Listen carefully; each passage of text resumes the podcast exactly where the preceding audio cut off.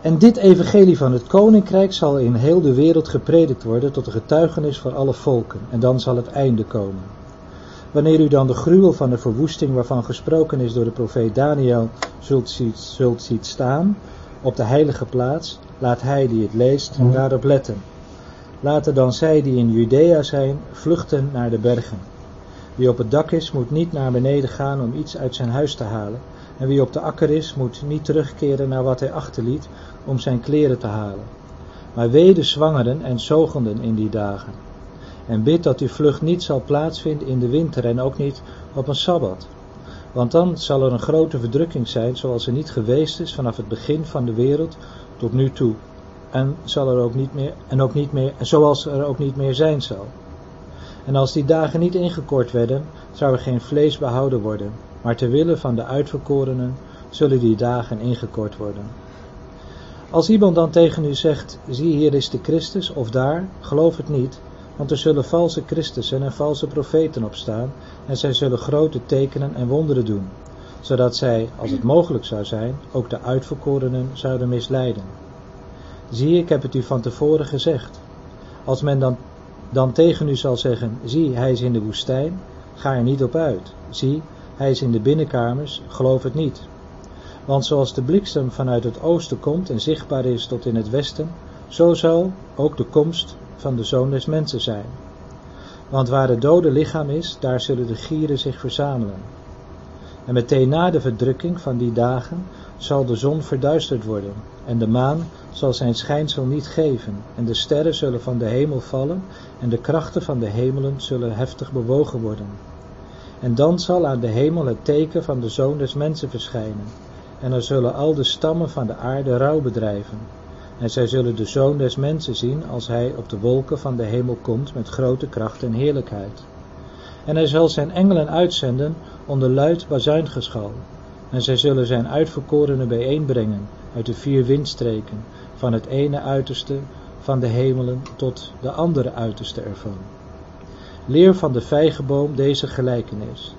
Wanneer zijn tak zal zacht, wanneer zijn tak al zacht wordt en de bladeren uitspruiten, dan weet u dat de zomer nabij is. Zo ook u. Wanneer u al deze dingen zult zien, weet dan dat het nabij is, voor de deur. Voorwaar, ik zeg u, dit geslacht zal zeker niet voorbij gaan, totdat al deze dingen gebeurd zijn. De hemel en de aarde zullen voorbij gaan, maar mijn woorden zullen zeker niet voorbij gaan. Maar die dag en dat uur is aan niemand bekend, ook aan de engelen in de hemel niet, maar alleen aan mijn Vader. Zoals de dagen van Noach waren, zo zal ook de komst van de Zoon des Mensen zijn. Want zoals ze bezig waren in de dagen voor de zonvloed met eten, drinken, trouwen en ten huwelijk geven, tot aan de dag waarop Noach de ark binnenging en het niet merkte, totdat de zonvloed kwam en hen allen wegnam, zo zal ook de komst van de Zoon des Mensen zijn. Dan zullen er twee op de akker zijn, de een zal aangenomen en de ander zal achtergelaten worden. Er zullen twee vrouwen malen met de molen, en de een zal aangenomen en de ander zal worden achtergelaten. Wees dan waakzaam, want u weet niet op welk moment uw Heere komen zal. Maar weet dit, dat als de Heer des huizes geweten had in welke nachtwaken de dief komen zou, hij waakzaam geweest zou zijn en niet in zijn huis zou, blij, zou hebben laten inbreken. Wees ook u daarom bereid, want op een uur waarop u het niet zou denken, zal de zoon des mensen komen. Wie is dan de trouwe en verstandige slaaf die zijn heer over zijn personeel aangesteld heeft, om het voedsel op de juiste tijd te geven? Zalig die slaaf die door zijn heer bij zijn komst zo handelend aangetroffen zal worden. Voorwaar, ik zeg u, dat hij hem overal, over al zijn bezittingen zal aanstellen. Maar als die slechte slaaf in zijn hart zou zeggen, mijn heer blijft nog lang weg, en zou beginnen zijn medeslaven te slaan en te eten en te drinken met de dronkaards, dan zal de heer van deze slaaf komen op een dag waarop hij hem niet verwacht en op een uur dat hij niet weet. En hij zal hem in stukken houden en hem doen delen in het lot van de huigelaars. Daar zal gejammer zijn en tandengeknars.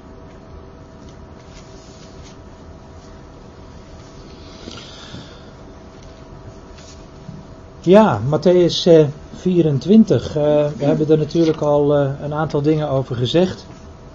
En daar willen we ook graag vanavond mee doorgaan. ja, het grote thema is natuurlijk in Matthäus 24 de komst van het koninkrijk. En met de komst van het koninkrijk, ja, spreken we natuurlijk ook vanzelfsprekend over de komst van de koning. Want zonder ja, uh, koning geen koninkrijk. En we zullen zien ook vanavond weer dat het hier dus heel duidelijk gaat, letterlijk, om een aards koninkrijk. De Heer Jezus Christus, toen hij ten hemel voer, ehm, toen de discipelen hem, nakeken, eh, toen ja, kregen zij te horen van die twee mannen in witte klederen, dat ja, hij op dezelfde wijze ook weer zou, zou terugkeren. En op dezelfde wijze betekent ook ja, lichamelijk zichtbaar. Eh, en dat is eigenlijk ook eh, wat we zullen zien. Wat ook de, de verwachting was van, eh, ja, eigenlijk ook van de hele prediking van, van de Heer Jezus tijdens zijn dienst op aarde. En ook de prediking van de, de twaalf apostelen. Ehm, ja, een paar dingen herhaal ik even met betrekking tot uh, de vorige keer. Uh, en we hebben gezien dat eigenlijk de, de vraag uh, van de discipelen is: ehm, wanneer zullen deze dingen uh, gebeuren? Ehm, wat is het teken van uw komst en van de voleinding van de wereld? En het zijn eigenlijk op deze drie vragen waarop de Heer Jezus een antwoord geeft. Ja, het staat allemaal nu genoteerd. Hè? Of, ja. Um, en dat, dat, op, op deze drie vragen geeft de Heer Jezus dus, een, dus een antwoord. We hebben de vorige keer ook gezien dat als er, gaat, als er staat hè, de voleinding van de wereld, dat het hier niet gaat om het vergaan van de wereld, zoals het vaak wordt uitgelegd. Maar het gaat hier, het is hier het woord aion, het is een voleinding van een aion een, eh, een, periode die afsluit en uh, die dus wordt opgevolgd door een nieuwe aion, een nieuwe periode. En dat is dus de periode van het koninkrijk van Christus uh, op deze aarde. Um, ja, het begint eigenlijk met, met, deze, met deze woorden. Hè. Jezus ging weg, Matthäus 24, en vertrok uit de tempel. En zijn discipelen kwamen naar hem toe om hem op de gebouwen van de tempel te wijzen. En dan vervolgens, als ze dat gedaan hebben, en we hebben de vorige keer al gezien, dat waren imposante gebouwen. Hè, ehm, ja, dat, dan is ja, de reactie van de heren is eigenlijk, ja, je zou zeggen, een anticlimax. Ziet u dit alles? Hè? Voorwaar, ik zeg u, hier zal niet één steen op de andere steen gelaten worden, die niet zal worden afgebroken. Een enorme anticlimax eigenlijk, die hier uh, ja, door de heren wordt, uh, wordt verwoord. Hè. Dat geweldige gebouwencomplex, dat zou, uh, dat zou dus vernietigd gaan worden. Ehm, de Heer had dat uh, in feite ook al, ook al eerder gezegd. Het is eigenlijk een herhaling van Matthäus 23, hè, dat voorgaande hoofdstuk. Waar de Heer had gesproken, heel expliciet tegen Jeruzalem. Maar ja, natuurlijk in feite natuurlijk tegen de inwoners van Jeruzalem. Hè, wat ook weer ja, eigenlijk uh, ja, staat hè, voor het volk van Israël. Jeruzalem, hè, Jeruzalem, u die de profeten doodt en stenigt wie naar u toegezonden zijn. Uh, hoe vaak heb ik uw kinderen bijeen willen brengen op de wijze waarop een hen haar kuikens bijeenbrengt onder haar vleugels, maar u hebt niet gewild. Zie, uw huis wordt als een woestenij voor u achtergelaten, want ik zeg u, u zult mij van nu af niet zien, totdat u zegt, gezegend is hij, die komt in de naam van de Heere. Overigens, hier ook wel opmerkelijk dat we ook eigenlijk zien de voorwaarden hè, voor het herstel en de komst hè, van de Messias. Er zal dus hè, kennelijk een gelovig overblijfsel zijn van Israël, dat in die tijd ja, hem dan ook zal verwelkomen. Uh, gezegend is hij die komt in de naam van de Heer. En dat is een, zoals je weet een, citaat uit uh, Psalm 100, uh, 118. Maar ook hier dus die verwijzing uh, ja, naar, naar dus dat gebeuren, wat de Heer Jezus in Matthäus 24 ook zegt, ja, de, de verwoesting van de stad. Een enorm drama wat zich natuurlijk inderdaad ook voltrokken heeft in het jaar 70 na Christus.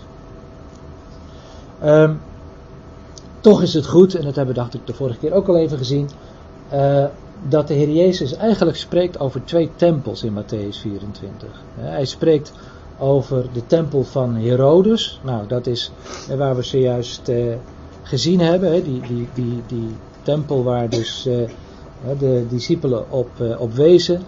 maar waarvan, waarvan dus de Heer Jezus zegt dat er geen steen op de andere steen gelaten zou worden. Maar in feite, zo zullen we ook met elkaar zien, uh, spreekt hij ook over de toekomstige tempel, die ook voor ons nog toekomst hè, is. Uh, namelijk de, de tempel waar straks uh, het beeld, hè, we komen daar straks over te spreken, hè, de gruwel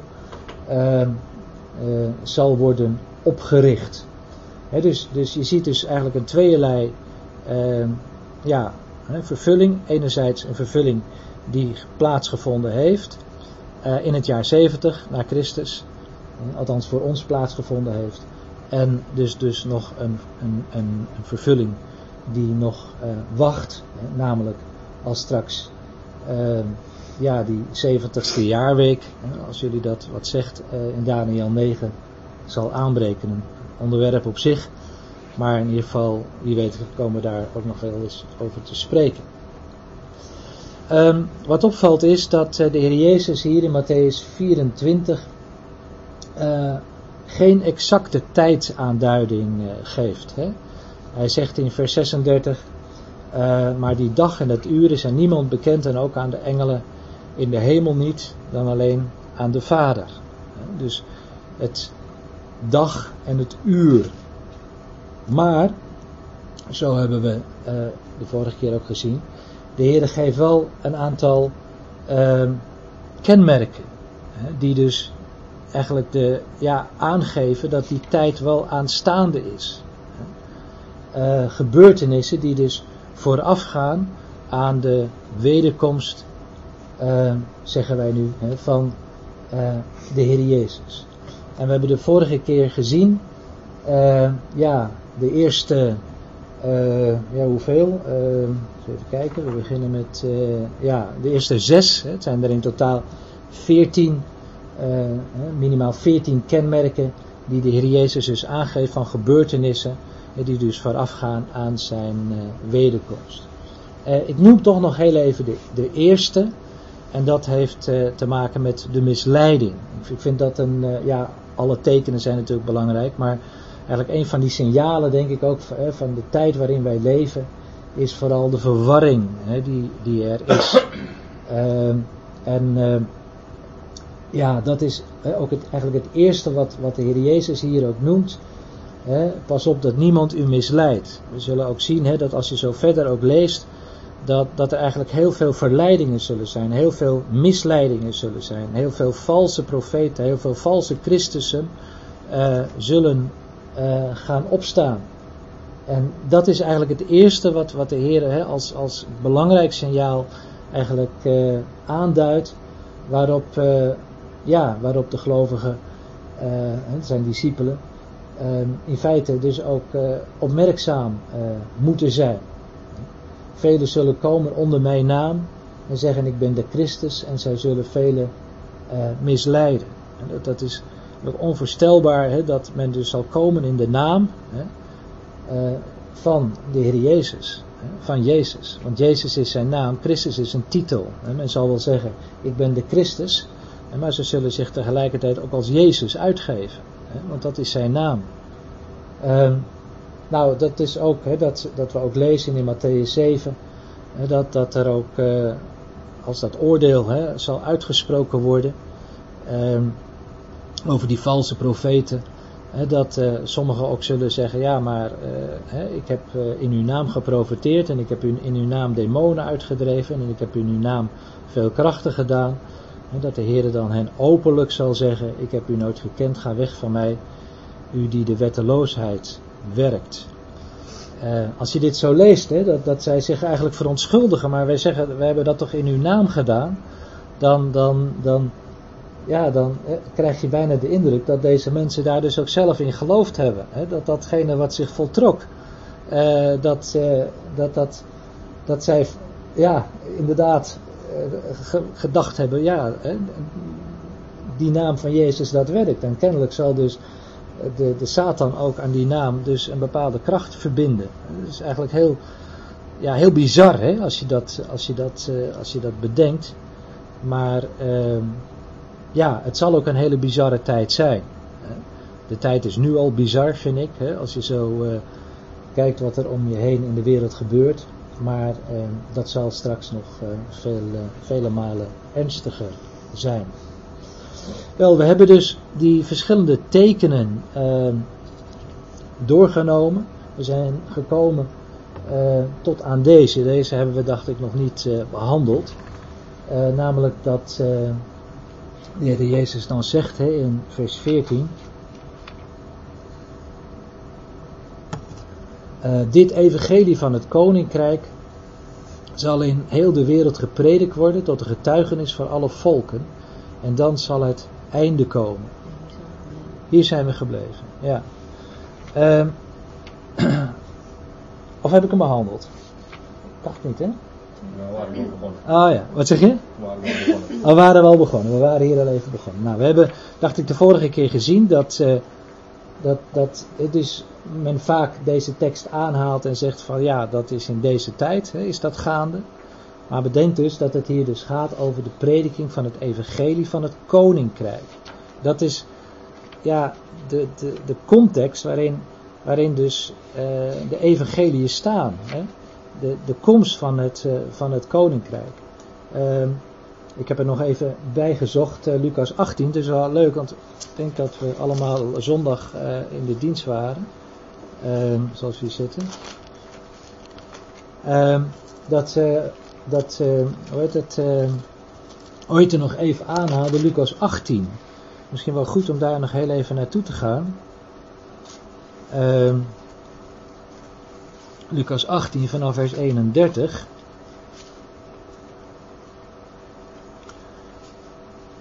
...31 tot 34, we kunnen dat even lezen. En hij, dat is de Heer Jezus, nam de twaalf bij zich en zei tegen hen, wij gaan naar Jeruzalem... En alles wat geschreven is door de profeten zal aan de zoon des mensen volbracht worden. En dan gaat het hier dus over het lijden, hè, wat de Heer Jezus te wachten stond in Jeruzalem.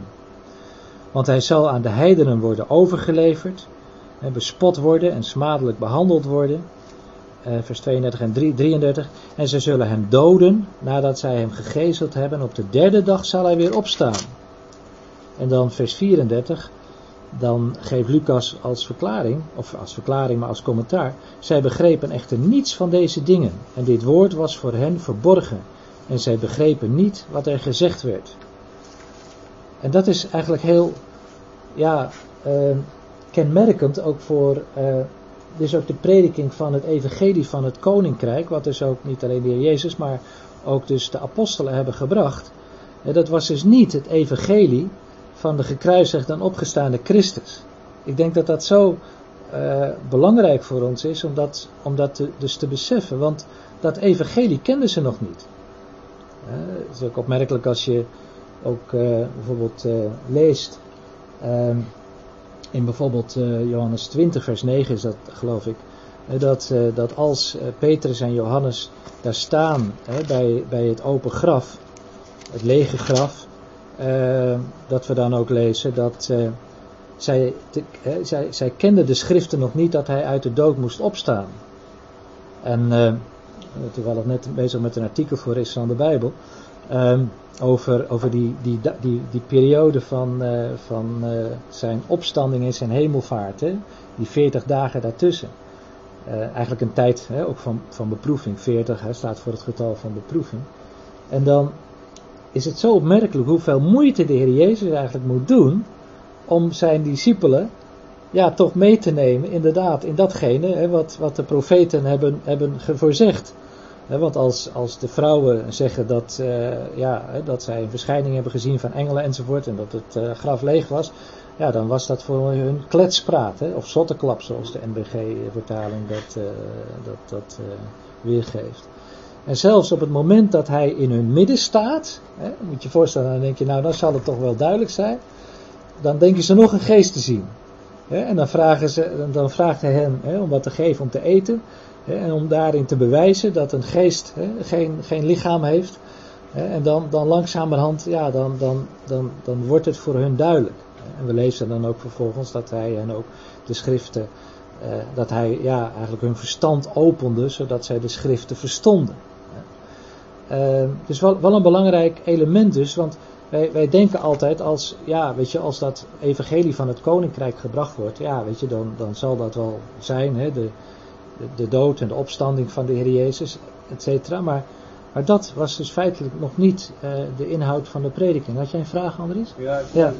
want in die 40 dagen heeft hij hun onderwezen in de dingen van het koninkrijk. Ja, precies, ja, ja, En als je dan ja, met de hemel vaart, dat Ja. is toch de opdracht ja, om het evangelie te verkondigen. ja, ja. Nee, laat, laat, het is heel goed dat je, Dus dat je me even Als je aanvult. die twee dingen heel kort bij elkaar legt, ja, Ja. wat is dat dan de echte bedoeling? Nee, nee, nee, het is even duidelijk. Dus dat, dat, dat evangelie van het koninkrijk hè, is dus in deze fase, hè, dus, dus het evangelie van de komst van het koninkrijk. Hè, dus, dus de oproep is bekeert u, want het koninkrijk der hemelen was nabij, is nabijgekomen. Later zien wij, bijvoorbeeld in de, in de toespraak van Petrus, in, eh, in Handelingen 2, daar zien wij dus heel duidelijk dat Petrus eh, wel degelijk, en ook in, in, in, in Handelingen 3, wel degelijk dat koninkrijk verkondigt, eh, maar wel natuurlijk eh, in, verbal, in verbinding gebracht met, met de dood en de opstanding van de Heer Jezus. Dus dus als je dus de prediking verder bestudeert met betrekking tot het koninkrijk, wat dan ook in de periode van handelingen gepaard ging met tekenen en wonderen, was dat dus wel degelijk ook, want inmiddels wa- was dus ook hun verstand geopend en kenden zij ook de schrift. Het is ook bijzonder natuurlijk dat op de Pinksterdag eh, Petrus ook, eh, ook, ook geweldig, ja, eigenlijk blijk van inderdaad het inzicht wat hij dan ook heeft. Want vanuit de schriften, met name ook vanuit het boek der Psalmen, eh, predikt hij de Christus. Maar wel dus in de context dus nog van het koninkrijk. Hij verbindt ook de opstanding van Christus met de vervulling van de belofte aan David, namelijk dat hij zou zitten op de troon van David. Christus zou zitten op de troon van David. Hij moest wel opstaan, zegt Petrus in, eh, in, in zijn Pinkstertoespraak.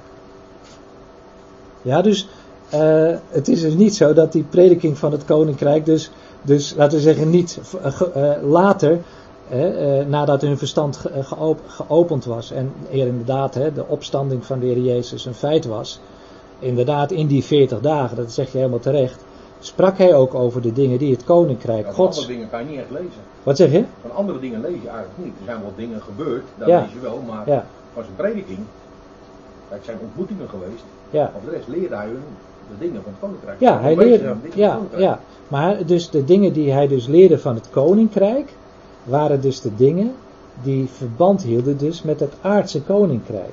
Want dat is feitelijk ook naar aanleiding van die vraag, die, die, of naar aanleiding dus van zijn prediking, is ook de vraag van de discipelen, Heer Je- Heren, herstelt gij in deze tijd het koningschap aan Israël?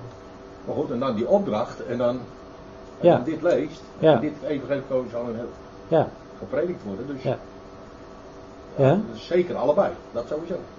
Ja, ja, absoluut. Ja. Ja, zeker. Nee, kijk, be- be- bedenk wel dat uiteindelijk de basis van eh, dat koninkrijk ook alleen maar kan zijn ook de dood en opstanding van Christus.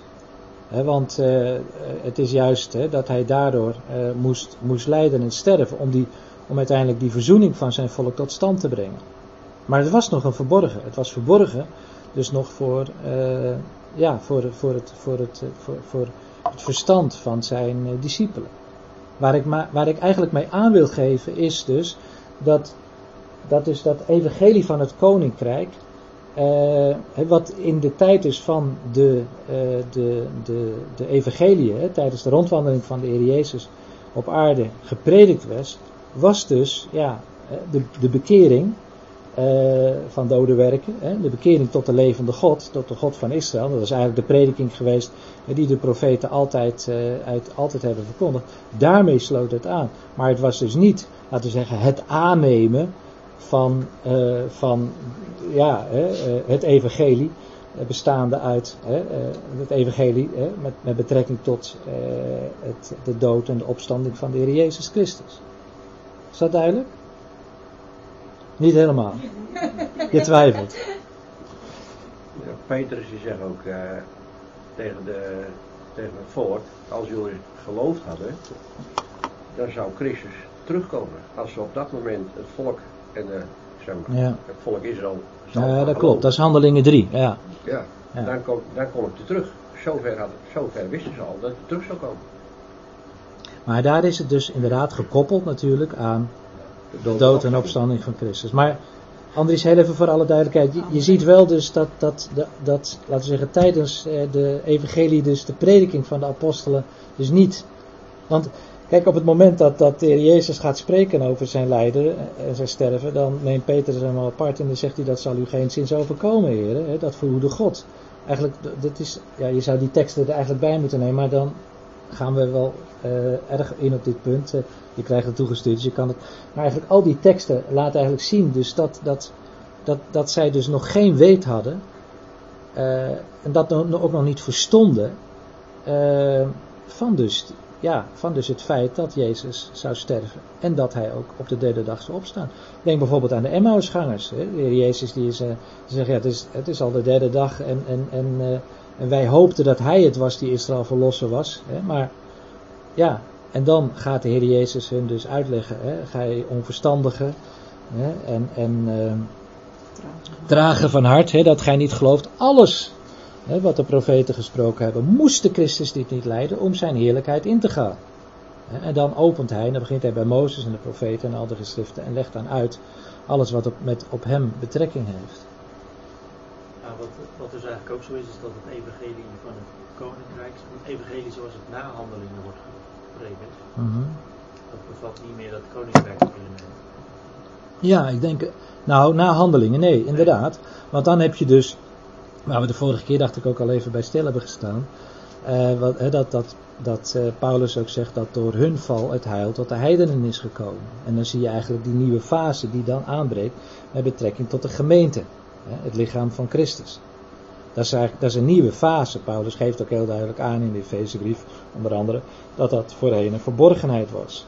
Dat, dat vind je niet in de Oud-testamentische geschriften, dat vind je ook niet in de Evangelie. Het was een verborgenheid, wat dus pas later, eigenlijk na de val van Israël, uh, aan, aan, aan, aan met name Paulus dan is geopenbaard geweest. Ja. En dan als dit vervuld wordt, vers 14, dan is dat koning.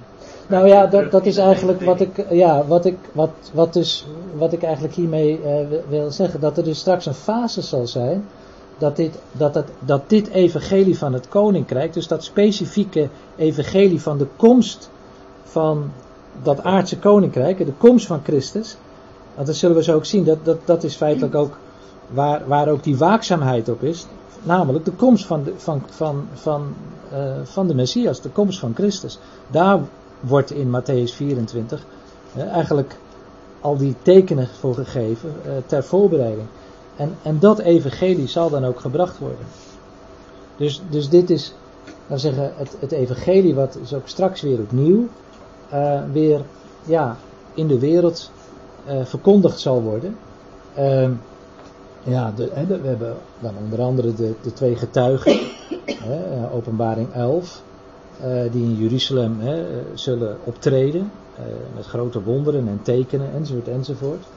Dan in openbaring 7 en openbaring 14, daar lees, lees je over de 144.000. Dat zijn de 12.000 van elke stam van Israël, die dan zullen uitgaan over de aarde om het evangelie uh, te prediken. De komst dus van de koning, hè, de komst van uh, de koning en zijn koninkrijk. En dan zelfs in openbaring 14, hè, daar lees je zelfs nog over een engel met een eeuwig evangelie. En dat zegt, hè, vrees God, geef hem eer, want het uur van zijn oordeel is gekomen. En aanbid hem die de hemel, de aarde, de zee en de waterbronnen gemaakt heeft. En dat is, ja, daar zou je, zou je kunnen zeggen, wel een heel bijzondere uh, fase, zal ik maar zeggen. Waar dus, hè, waar dus een engel deze ja, prediking doet.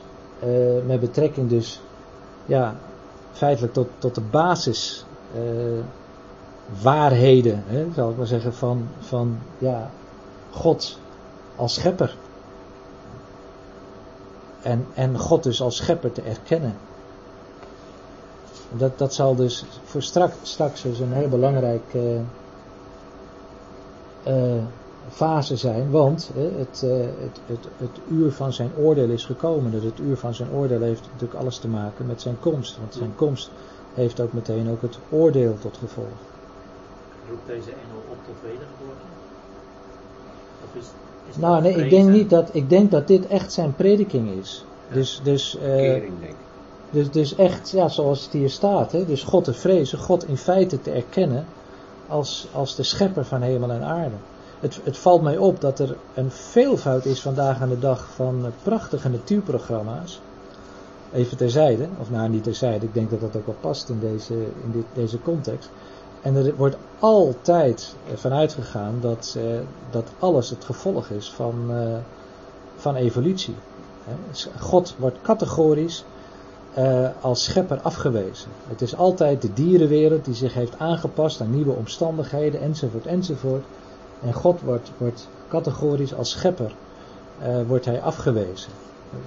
Men, het is onvoorstelbaar wat, wat, wat men in die natuurprogramma's eigenlijk allemaal wetenschappelijk hè, prachtige dingen eigenlijk hè, heeft onderzocht en, en, hè, en, en allerlei geheimen aan, aan, aan die schepping ja, heeft blootgelegd. Als het gaat om de schepper, ja, dan wordt hij ontkend. Dan is hij er niet. Dan is het alles evolutie. wat wetenschappelijk niet eens te verklaren valt. Alleen dat het al miljoenen jaren al zo gaat. Ja. En het wonderlijk is dat het zo gebeurt. Ja, ja, ja. ja, ja. Dan die tekstverwijzing is niet goed. Die tekstverwijzing is niet goed? Vers 7 is het. Openbaring 14 vers 7. Ja. Oh, kijk al. Ga ik hem meteen even verbeteren. Openbaring 14 vers 7. Dus dat was een verkeerde tekstverwijzing. Mooi. Mooi? Als je zo even je fouten kan uh, herstellen. Ja. Goed, um, dan komen we bij vers 15.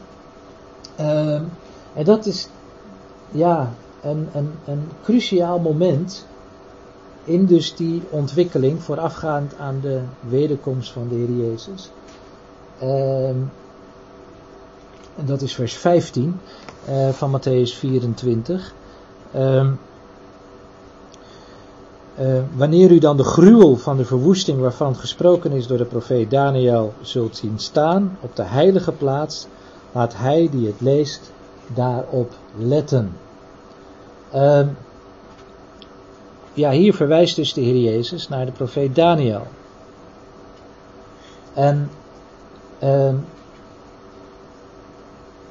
de profetie van Daniel, of tenminste een van de profetieën, gaat dus over dat moment wat dus uh, straks zal gaan gebeuren. Uh, namelijk dat er een afgodsbeeld, hè, niet alleen dat die tempel zal worden hersteld, uh, maar ook dus dat er op die heilige plaats dan ook een, een, uh, een gruwel van de verwoesting zal worden uh, opgericht. Men zal het zien staan. Nou, dat woordje gruwel, wat we trouwens ook tegenkomen onder andere in Daniel 11, vers 31. En dan zullen er uit hem krachtige armen voortkomen, die zullen het heiligdom en de vesting ontheiligen en steeds terugkerende offer wegnemen en de gruwel of de verwoestende gruwel opstellen. Nou, dat woordje gruwel, dat is het Hebreeuwse woord shikuts. En dat is eigenlijk altijd in de schrift een afgodsbeeld. Ik heb er ook een aantal teksten ook bijge, bijgegeven. Uh, kun je uh, ook later nog eens nazoeken. Uh, een afgodsbeeld. En dat is waarmee ja, de mens der wetteloosheid, hè, zoals hij onder andere in, zoals hij in 2 Thessalonicense 2 wordt genoemd, hè, de tegenstander. dat zal dus de zoon des verderfs, hè, wordt hij ook genoemd, allemaal van verschrikkelijke termen eigenlijk die aangeven hoe ongelooflijk uh, ja, uh, agressief hè, hij zichzelf zich straks tegen God zal, zal opstellen. Hè. Agressief natuurlijk tegen, ten opzichte van het volk. maar ook heel agressief ten opzichte van, van de Heere God. De plaats waar de Heere God aanbeden zal worden, dat zal straks de plaats zijn waar de grootste afgoderij van Israël uh, zal, uh, zal gaan plaatsvinden. Nou van Ja, hij was een periode dat hij inderdaad, hè, niet drie weken geloof ik zelfs, dat hij ja, eigenlijk ziek was en, en ja, niet, ja, dus, dus dat heeft een enorme uh, impact uh, inderdaad, hè, dat, dat hele eindtijdscenario, uh, wat Daniel natuurlijk beschrijft. en waar de Heer Jezus hier dan op, op aanhaakt, zal dus inderdaad een zeer ernstige periode zijn. Um, nou, we komen dus dat ook nog tegen, ook in openbaring 13. Uh, en dat, uh, daar, daar gaat het dan over dat beeld, hè, dat, uh, uh, dat in de tempel zal worden opgericht. heel opmerkelijk, dat zal een beeld zijn dat ook een geest zal krijgen en zelfs ook zal, zal kunnen spreken. Ja. Hm? Ja, hier wordt gezegd een robot, maar het zal dus meer dan zijn dan een robot. Hè? denk ik ook wel, ja. het, het, zal, het zal dus uiteindelijk uh, ja, een heel mysterieus uh, gedrocht zijn, wat dus ook zal, uh, ja, als het ware zich zal voordoen als een mens, maar in feite dus een afgodsbeeld is.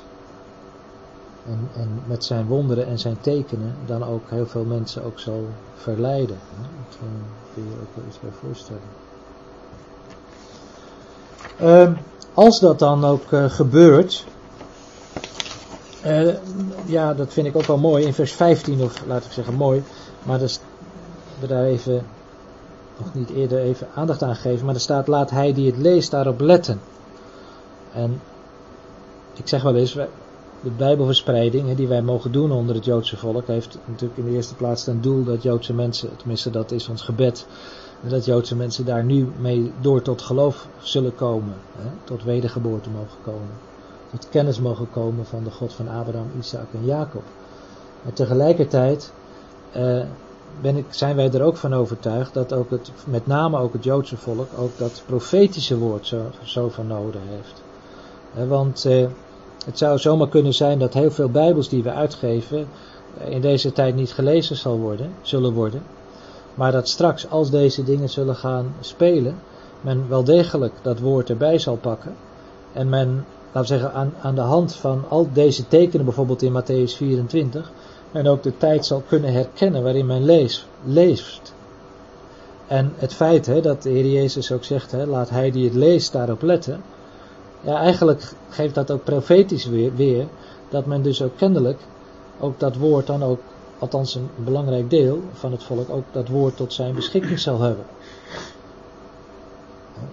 Ehm, dus dat even terzijde met betrekking ook tot de profetische belang van dat het volk Israël ook het woord tot zijn eh, beschikking heeft. En Matthäus 24 laat dat, uh, laat dat duidelijk zijn.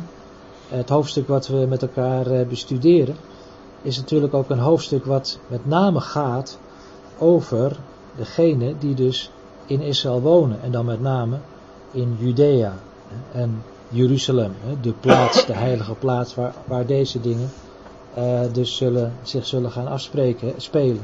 Jeruzalem en Judea, het epicentrum van ja, deze specifieke tijd. En vandaar dan ook de oproep, als dat uh, plaatsvindt, om te vluchten. Heel opmerkelijk dat de Heer hier zegt, hè, vlucht naar de bergen. Dat zie je ook bij, bij, uh, bij Lot, hè, die uit Sodom wordt geëvacueerd, zal ik maar zeggen, door de engelen. En dan moet vluchten, wordt opgeroepen om te vluchten naar de bergen. En uh, in dat verband is natuurlijk ook opmerkelijk dat je leest in openbaring 11 vers 8 dat Jeruzalem ook geestelijk nog genoemd zal worden Sodom en Egypte. Ik heb hier even de tekst uh, geprojecteerd hè, over die dode lichamen die daar zullen liggen. Dat zijn die dode lichamen van die twee getuigen. Hè, die, die daar dus zullen optreden gedurende 3,5 jaar. Ehm, maar eh, zij zullen dus eh,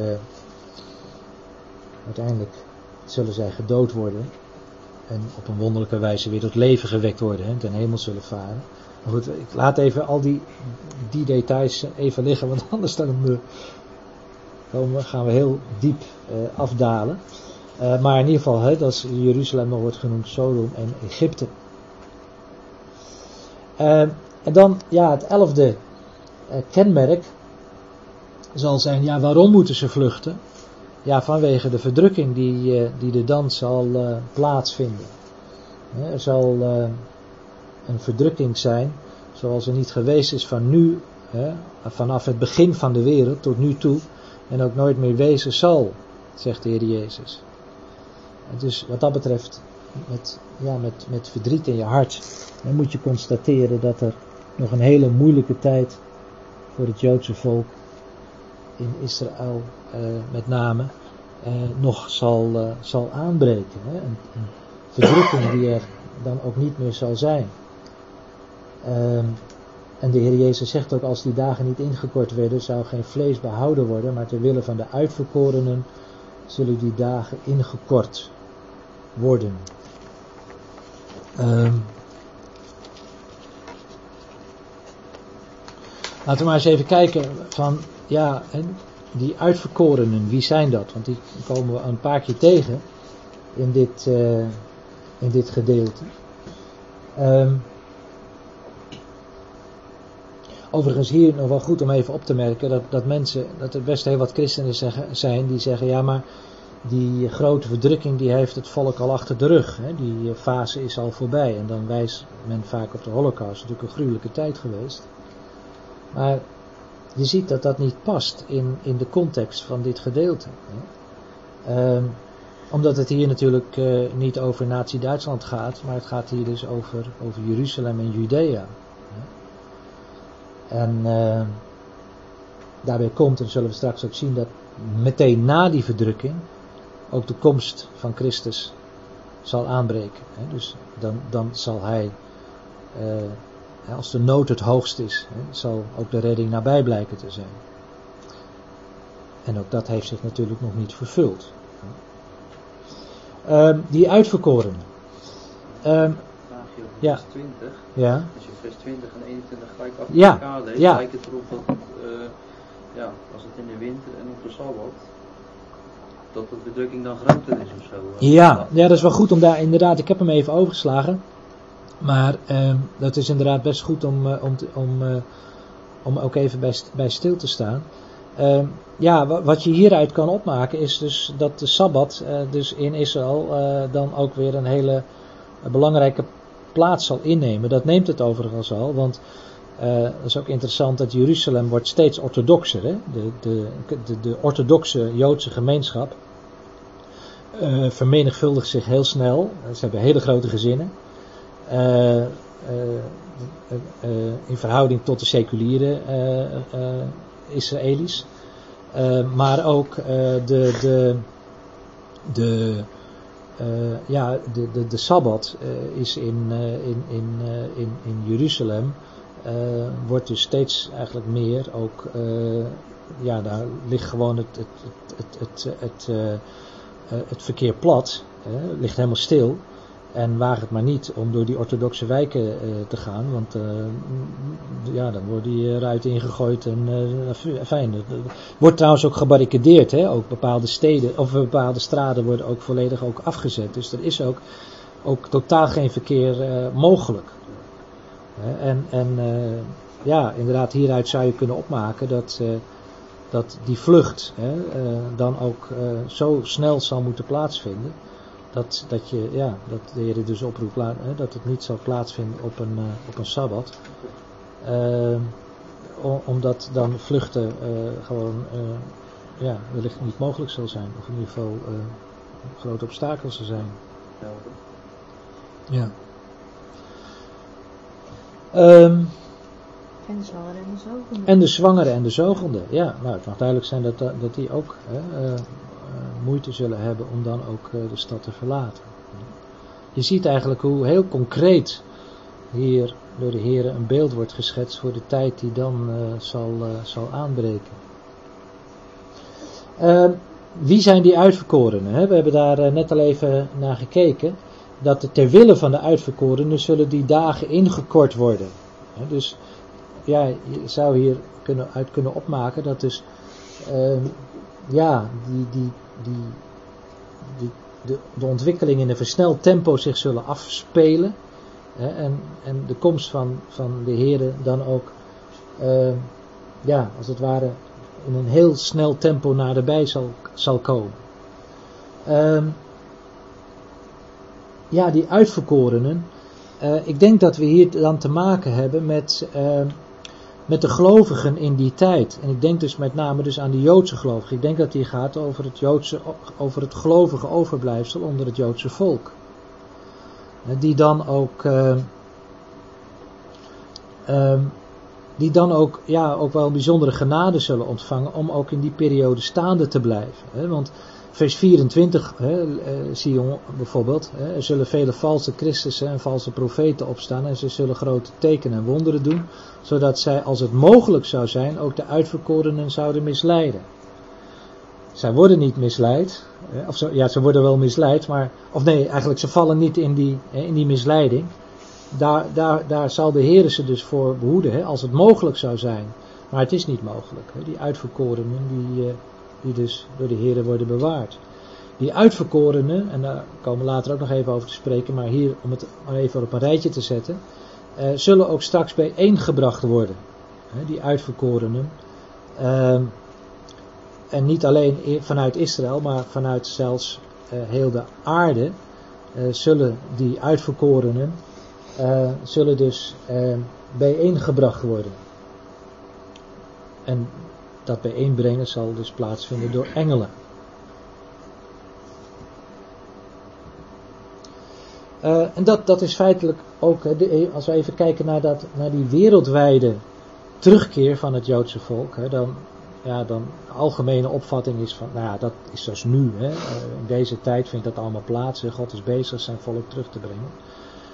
Uh, nou is het zo dat inderdaad voor de wederkomst van Christus een deel van het volk ook moet terug zijn gekeerd.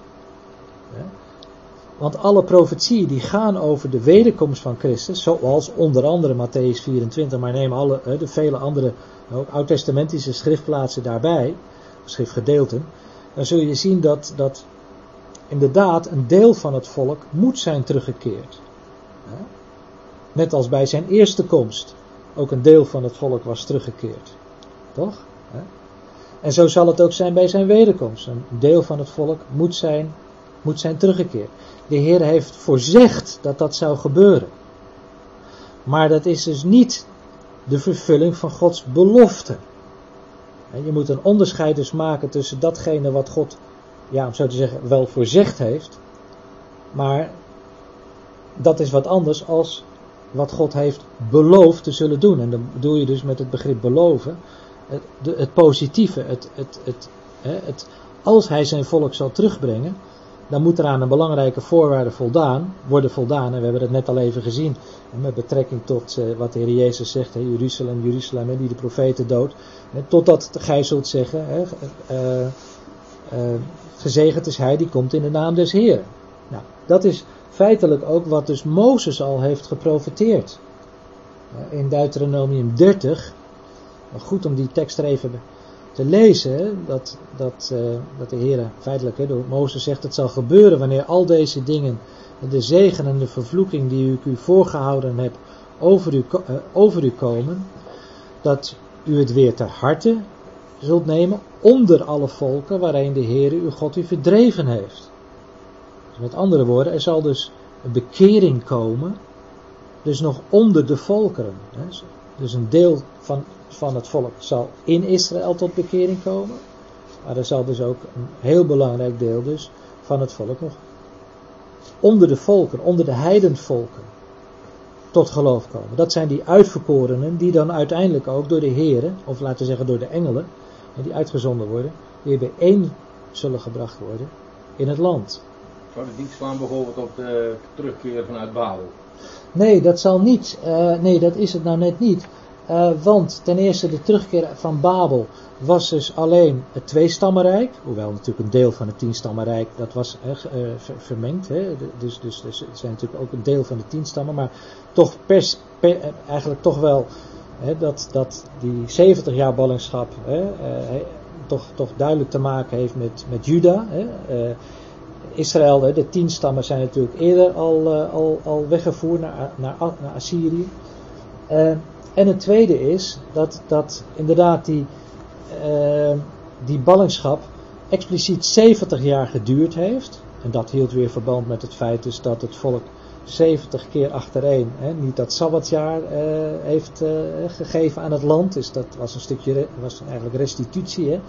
Dat, moest weer, dat, dat, volk, dat land moest weer die rust eigenlijk weer vergoed krijgen. Die 70 uh, sabbatsjaren die het gemist heeft. Ehm, en, uh, dus dat zou zeggen, die 70 jaar staat vast. Dat zie je ook in Daniel 9. Hè, dat, dat, dat Daniel ook let op die, op die 70 jaar die dan ten einde komt. Dus hè, dat was ook het moment van vervulling.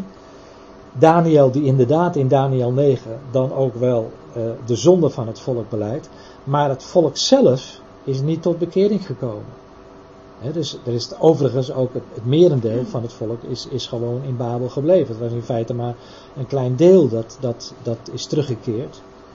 Um, maar let wel, hier gaat het dus echt over een totale bekering van het volk.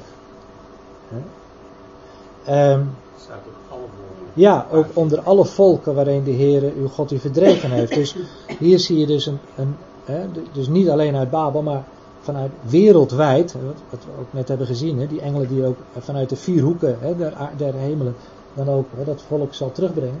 Maar dat zien we dan ook eigenlijk in, uh, in Deuteronomium 30 ook, uh, ook, ook beloofd. En u zult zich bekeren tot de Heer uw God en zijn stem gehoorzaam zijn, u en uw kinderen met heel uw hart en met heel uw ziel, overeenkomstig alles wat ik u gebieden zal.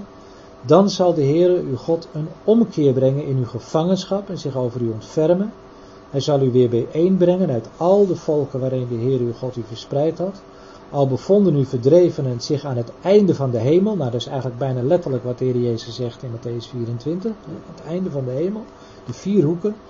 Ehm, toch zal de Heer uw God u vandaar bijeenbrengen en u vandaar weghalen. En de Heere, uw God, zal u naar het land brengen dat uw vader in bezit had.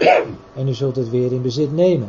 En hij zal u goed doen, u talrijk maken. En dan talrijker maken dan uw vader. De Heere uw God zal uw hart en het hart van uw nageslacht besnijden, om de Heere uw God lief te hebben met heel uw hart en met heel uw ziel, zodat u tot leven, tot, zodat u leven zult. Dus hier zie je eigenlijk de wedergeboorte van Israël. Het zal tot wedergeboorte worden, zoals je natuurlijk dat ook leest in Jeremia 31 met betrekking tot het nieuwe verbond, waarin de Heere dus zelf die, die wetten in hun harten zal schrijven.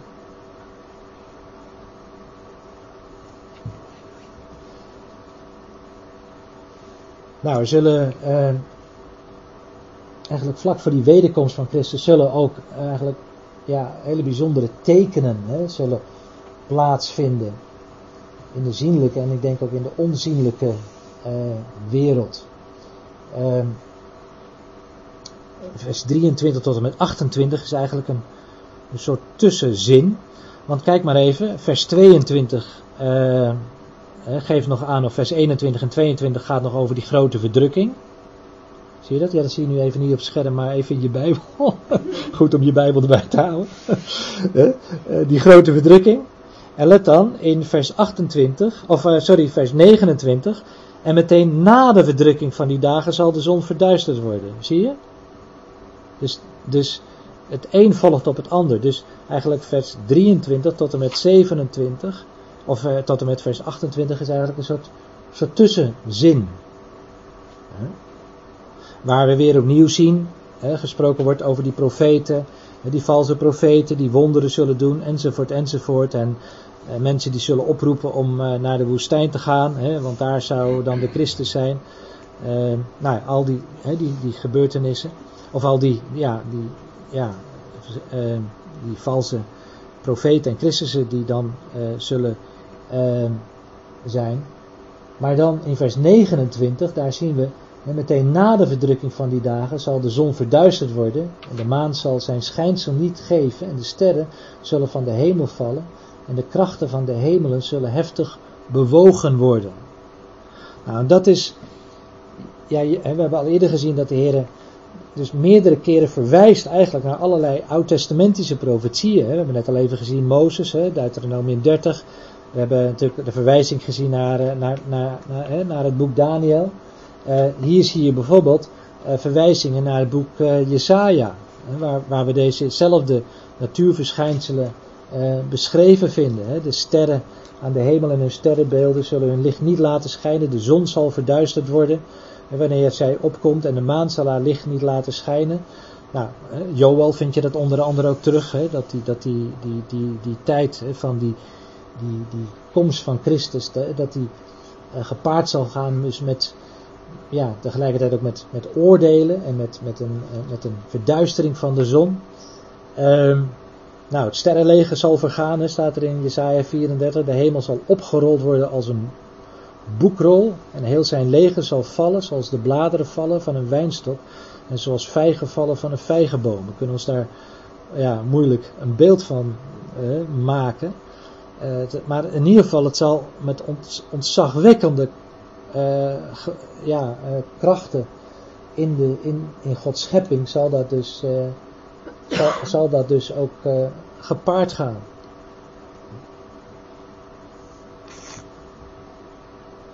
Um, overigens, als we het hebben over, over dit, deze verschijnselen, um, ik zei het al, de zienlijke en onzienlijke dingen, ook opvallend dat je ook leest in openbaring 6, dat, dat de, de hemel zal terugwijken, uh, opgerold worden als een boekrol. Uh, en de mensen dus ook rechtstreeks zicht zullen hebben in de hemel. ik heb, toen ik de vorige keer, geloof ik, over Job sprak, heb ik dat toen niet genoemd. Dat, dat, dat die onzienlijke wereld, dat de schrift daar eigenlijk heel, heel terughoudend over informeert. Hè? Nou, ik geloof niet dat ik, misschien dat ik dat toen niet behandeld heb. in ieder geval hier zien wij dus een, een, een, een moment waarop dus eigenlijk die onzienlijke wereld uh, zichtbaar wordt. En dat uh, mensen dus ook, uh, ja, ook, ook, geconfronteerd zullen worden met, ja, met de toren van het, het lam. Val op ons en verberg ons voor het aangezicht van hem die op de troon zit en voor de toren van het lam, want de grote dag van zijn toren is aangebroken. En wie kan dan staande uh, blijven? Maar die mensen die dit zeggen, zijn dat dan uh, ongelovigen? Dit zijn ongelovigen, ja. Maar ja. Uh, bij die grote verdrukking, die trekken naar de bergen. Ja. Trekken daar dan ook bijvoorbeeld ongelovigen mee mee?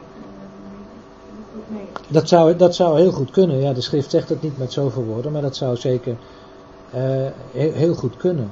Ja. En dan wil je natuurlijk specifiek weer over die berg plaatsen. Dat hoeft natuurlijk niet uh, met elkaar dan bij zich te Ja, nou ja, je, nee, je, je ziet dus in feite hier dat, dat er uh, het dus niet alleen zich beperkt blijft. Hè. Ik zeg wel, het, het epicentrum is, is Jeruzalem en Judea. Daar is die oproep van, hè, van, van vluchten uit de stad. Want daar is die, die, die, die gruwel der verwoesting, hè, die, die, dat beeld dat daar wordt opgericht.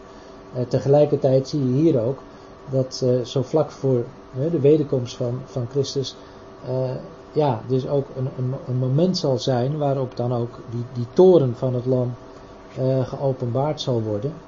En men ook zich zal realiseren, want, want die prediking van dat koninkrijk, dat koninkrijk, dat, dat, het evangelie van het koninkrijk, dat, dat, dat, dat, dat dus aan de hele wereld gepredikt zal, zal worden. Hier zie je dat men inderdaad beseft van ja, datgene wat er gezegd is, hè, bekeert u, hè, die bekering die, die noodzakelijk is, dat men hier ook zal constateren van ja, dan is nu ook die grote dag van hun toren ook aangebroken. En dus in feite vervult zich datgene wat er dus, ja, hè, waar dus de mensheid eigenlijk uh, ja, ook op is voorbereid, dat komen zou. Dit is voordat het koninkrijk komt. Ja, dit is, uh, nou ja, zeggen, ja. Nou, we zijn net over uh, chronologie. Ja. Aan de ene kant uh, zullen, de, zullen van alle windstreken komen. Ja. naar een plaats Ja. waar ze niet zullen buigen. En dan zullen ze gedood worden. Degenen die niet zullen buigen, zullen gedood worden. Nee, als het gaat over die uitverkorenen, Ja. dan gaat het, maar daar komen we straks al over te spreken. Want we komen zo nog te spreken over het een wordt aangenomen, de ander eh, niet. Dat, ja? Eh, Aan het begin ja?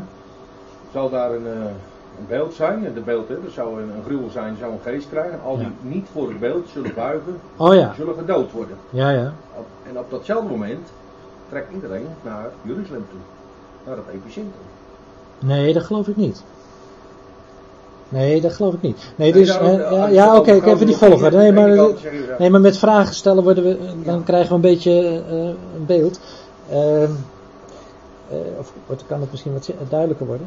Maar nee, de- die, die terugkeer eh, van, van dat, dat inzamelen van die engelen, hè, die dus die, eh, die uitverkorenen zullen inzamelen, dat zal dus straks na dus die grote verdrukking zal dat, zal dat plaatsvinden. En dan de grote verdrukking die dus in, in Jeruzalem en Judea hè, zal, zal zijn, die specifieke verdrukking waar het hier in Matthäus 24 over gaat. Misschien dat ik deze tekst gewoon even, even moeten overslaan, want anders krijgen we zoveel details. Maar, hè, eh, maar dus, dus als dat heeft plaatsgevonden, meteen daarna zal dus, zeggen, die, die komst van Christus eh, zal, dus, eh, zal dus aanbreken. Maar natuurlijk de komst van Christus heeft ook tegelijkertijd natuurlijk weer te maken met, eh, met dus de, de volkeren die dus ook te maken zullen krijgen met, met, met, met de toren van, van het lam. Zij die dus niet, ja, eigenlijk dat, dat, dat, dat, dat, dat evangelie van dat koninkrijk niet gehoorzaam zijn geweest. Bedenk altijd wel, hè, dat, dat is misschien wel mooi om dit hier toch ook nog even te noemen, dat, dat God eigenlijk ook laat zien dat hij rechtvaardig is. Hè? Want eigenlijk voortdurend geeft, laat de Heer dus zien dat hij de mensheid de gelegenheid geeft om zich te bekeren. Ehm, en, en dat hij dat zelfs ook doet met die, nou, die, die twee getuigen. Als je dat, als je dat leest in de openbaring, is echt ongelooflijk. Je, je kan daar niet omheen met, met, wat, wat zij daar doen. Hè?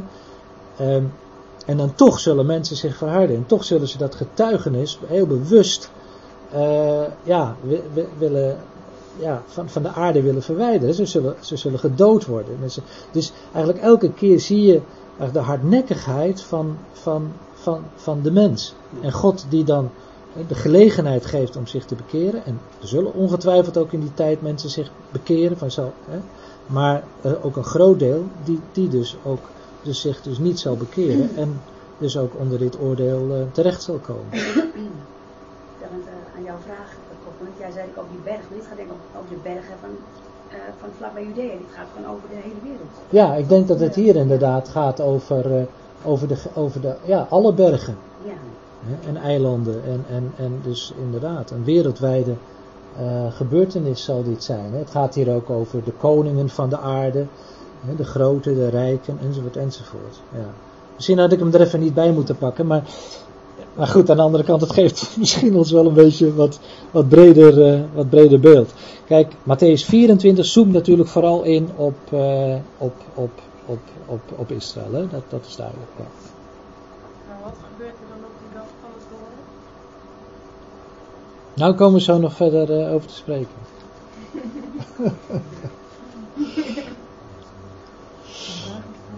Wat zeg je?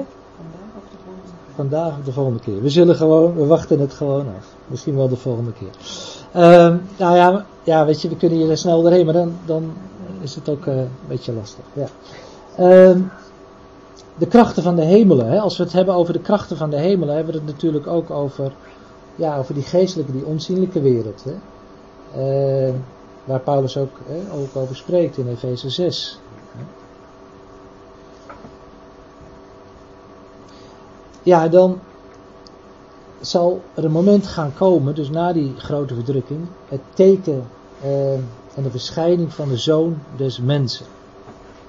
Hè, vers 30 hebben we al gezien, dus eigenlijk meteen na die verdrukking, hè, vers 29, eh, van die dagen, hè, dat dus, eh, van de verdrukking van die dagen zal de zon verduisterd worden, enzovoort, enzovoort. En dan in vers 30, en dan zal aan de hemel het teken van de zoon des mensen verschijnen.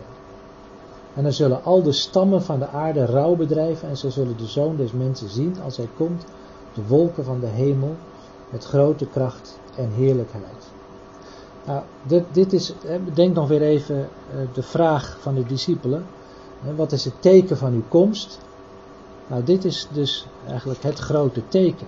Het teken van zijn komst, het teken eh, van de zoon dus, des mensen, die dus aan de hemel zal verschijnen. Met dus ook als gevolg dat ook die stammen de aarde rouw zullen bedrijven. Ik denk als het hier gaat om het rouwbedrijven, dat het hier ook specifiek gaat om Israël. De, de heidenen zullen geen rouw bedrijven. Uh, ze zullen wel schrikken natuurlijk, enzovoort. Maar, maar hier gaat het echt om rouwbedrijven. En het rouwbedrijf heeft, heeft natuurlijk te maken met dat zij hem zullen zien wie zij doorstoken hebben. Ja? Dat zullen dan die twaalf stammen zijn. Dat zullen die stammen zijn, ja, die twaalf stammen zijn, ja. Maar voorafgaand dus uh, gaan alle sterren nog. Ja, nou ja, Dus alle dan sterren. Zal, dan eh, zal de Heer zelf licht geven op aarde. Ja, dan, uh, dan, dan, ja, hoe we ons dat moeten voorstellen is, is lastig te zeggen. Maar inderdaad, het zal uh, gepaard gaan dus inderdaad met, met, met, met enorme uh, natuurverschijnselen. Hè? Zoals we dan ook, ook, ook lezen dat, dat de zon hè, verduisterd zal worden. Hè? De maan zal zijn schijnsel niet geven. Dus, dus ja, Bart zei dat ik weet niet wat jij bedoelt, dat de zelf zal het licht zijn. Dat is toch veel later. Als er geen zon en geen maan meer nodig zal zijn. Dat is niet op dat moment. Nee, nee, nee, nee, nee, nee. Nee, nee, nee, dan, dan zit je aan, het, aan, aan inderdaad het nieuwe Jeruzalem als je dat bedoelt. Ja. ja, dan moet er eerst nog duizend jaar komen. Ja, ja. Ja. ja, ik denk ook dat het een deel is van de sterren. Ja. Ja, dat is. Ja. Ik, toen ik thuis luister, toen dacht ik wel, er staat gewoon van de zoon des mensen zal verschijnen, maar het teken van de zoon des mensen, Ja. daar geen onderscheid in. Ja, ja dat, daar ga ik ook nog op in. Eh kom, ik, kom ik inderdaad zo nog op in. Eh, ja, nee, dat is goed. We hebben eigenlijk drie, drie tekenen. Hè? We hebben dus de tekenen die hem tijdens zijn aardse dienst eh, begeleiden. Hè? Waar ook Petrus dan ook naar verwijst. Jezus de Nazarener, een man die voor Gods wegen is aangewezen door krachten, wonderen en tekenen. En bedenk dat het begrip teken eh, vooral dus eigenlijk een, eh, een heenwijzing is. Hè? Dat hij inderdaad de Messias eh, was. Dus dat was tijdens zijn aardse dienst. Hè? Die wonderen en die tekenen. Het is belangrijk om dat, dat, dat dus wel in dat perspectief te zien. Eh, Ja, dan bedoel hebben we dan ges- tekenen in de zin van dat het echt een woordteken, want deden ook tekenen natuurlijk niet de kracht van God. Ja, nee, hier de, de tekenen die, waar Petrus naar verwijst in zijn toespraak eh, op de Pinksterdag, zijn dus de, de, de, de tekenen en wonderen en krachten die dus de prediking van het evangelie van het koninkrijk hebben begeleid. Want bedenk wel, als straks dat koninkrijk zal aanbreken, zal dus ook, ook ziekte hè, worden, worden, ja, eigenlijk, eigenlijk, ja, worden teruggedrongen of de leeftijden zullen eh, verhoogd worden, de dierenwereld zal, eh, hè, zal, zal een metamorfose ondergaan. Eh, dus, dus al die, die krachten, die wonderen en tekenen zijn eigenlijk ook, ook aanduidingen voor hoe het straks zal zijn tijdens dus die Christusregering op aarde. Maar het waren natuurlijk ook hele specifieke wonderen en tekenen die Ja. ook al gezegd waren bij de profeten. Ja, absoluut. Ja, ja zeker. Ja. Als, als Johannes de Doper in de gevangenis zit en eh, ja, hij vraagt zich af, zijt gij de Christus? Hè? Of verwachten wij een ander? Dan, eh, ja, dan zegt dus de Heer Jezus niet, nee, ik ben het. Maar dan zegt hij nou, hè, eh, tegen de discipelen van Johannes de Doper, hè, zeg, zeg maar tegen hem wat, je- wat je ziet. Hè? Aan wonderen en tekenen. Kenmerk van het aardse koninkrijk. Ja. Zien. Ja, ook dat. Dus we hebben de tekenen die aan zijn wederkomst voorafgaan, hè, die we dus nu eh, met elkaar behandelen. En dan hebben we dus inderdaad het teken van zijn komst eh, op de wolken. Ja, wat is dat teken? Dat is, dat is geen eenvoudige vraag. Ik durf daar ook niet voor 100% antwoord op te geven. Wat mij wel opvalt, is dat het teken eh, de komst van de zoon des mensen natuurlijk inderdaad gepaard gaat met, met geweldige natuurverschijnselen. En dat het opvallend is dat hij altijd komt, zijn verschijning altijd gepaard gaat met zijn komst op de wolken van de hemel. En ik durf niet voor 100% zekerheid te zeggen dat dat eh, het teken is van de zoon des mensen, maar het is wel opmerkelijk dat we dat ook in Daniel uh, 7 hè, ook, uh, ook zien. Dat als hij dan komt, de, de mensenzoon, die dan ook heerschappij ten uitvoer zal brengen hè, over alle naties en talen enzovoort, dat hij komt met de wolken van de hemel. En, en, en ja, dat, dat is naar mijn idee eigenlijk wel ja, het, het, het kenmerk van zijn komst.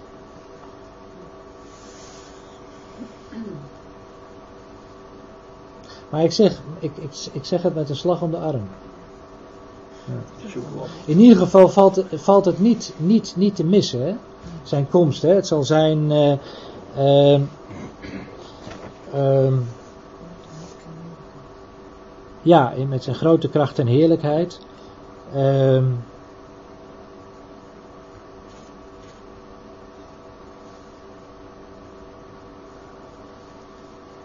het zal ook zijn als, waar, staat dat? Oh ja, zo, uh, uh, vers 27, Matthäus 24. Want zoals de bliksem vanuit het oosten komt en zichtbaar is tot in het westen, zo zal de komst van de zoon des mensen zijn. Dus het, het zal ook niet te missen zijn. Hè? Dat, dat, dat is in ieder geval heel duidelijk. En, en, en waar het mee uh, dus gepaard gaat, is dus met die, hè, met die natuurverschijnselen en dus ja, zijn komst op de wolken. Dat is heel kenmerkend. Dat, dat vinden we eigenlijk telkens weer terug. En iedereen kan het zien. En ook dus iedereen zal het kunnen zien, ja. smartphone, maar met je eigen... Ja, ja, ja, ja, ja, ja, ja, ja. ja. Ja. Papa zat er juist in de, in de auto te bedenken dat nu iedereen een smartphone moet hebben, zodat iedereen het gelijk kan zien. Ja, maar dat... dat, uh, dat... ja, ja, precies. Ja. Wordt een beetje lastig. Ja, ja. Ja. ja. ja. Ja. Zullen we nog even inderdaad uh, nou, dit hebben we al even behandeld. Dan... Wat is het teken van uw komst? Bedoelen ze dan dat dan, echt uh, teken zeg maar, of meer? Nou, het is opmerkelijk dat het daar in enkelvoud staat. Het is het teken van uw komst, het teken van de zoon des, des mensen. Dus er worden inderdaad ook, tekenen genoemd. Uh, maar tegelijkertijd ja, is het opvallend dus dat zijn, uh, zijn komst dus op meerdere plaatsen wordt aange, aangeduid als op de wolken des hemels. Nee, heeft het te maken met het teken in openbaring 12? Het teken, ja, dat, dat, openbaring 12 is natuurlijk dat, dat Satan dan uit de, uit de hemel wordt geworpen, hè? dat teken. Uh, en, en naar mijn idee gaat dat dus daar nog aan vooraf. Want wee, staat er dan, wie uh, op aarde zijn. Hè? Want uh, Satan, als met grote grimmigheid, hè, zal hij zich ja, dan ook op aarde ook zich manifesteren. Dus,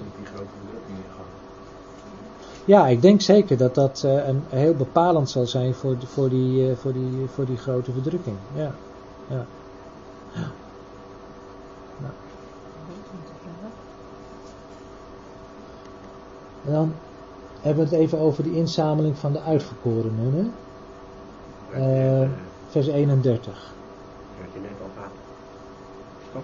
Ik heb hem inderdaad al even genoemd. Ja, dat klopt. En dat is dan meteen ook de, de, eigenlijk de, de aanvang van de nieuwe fase, de nieuwe de, de aion.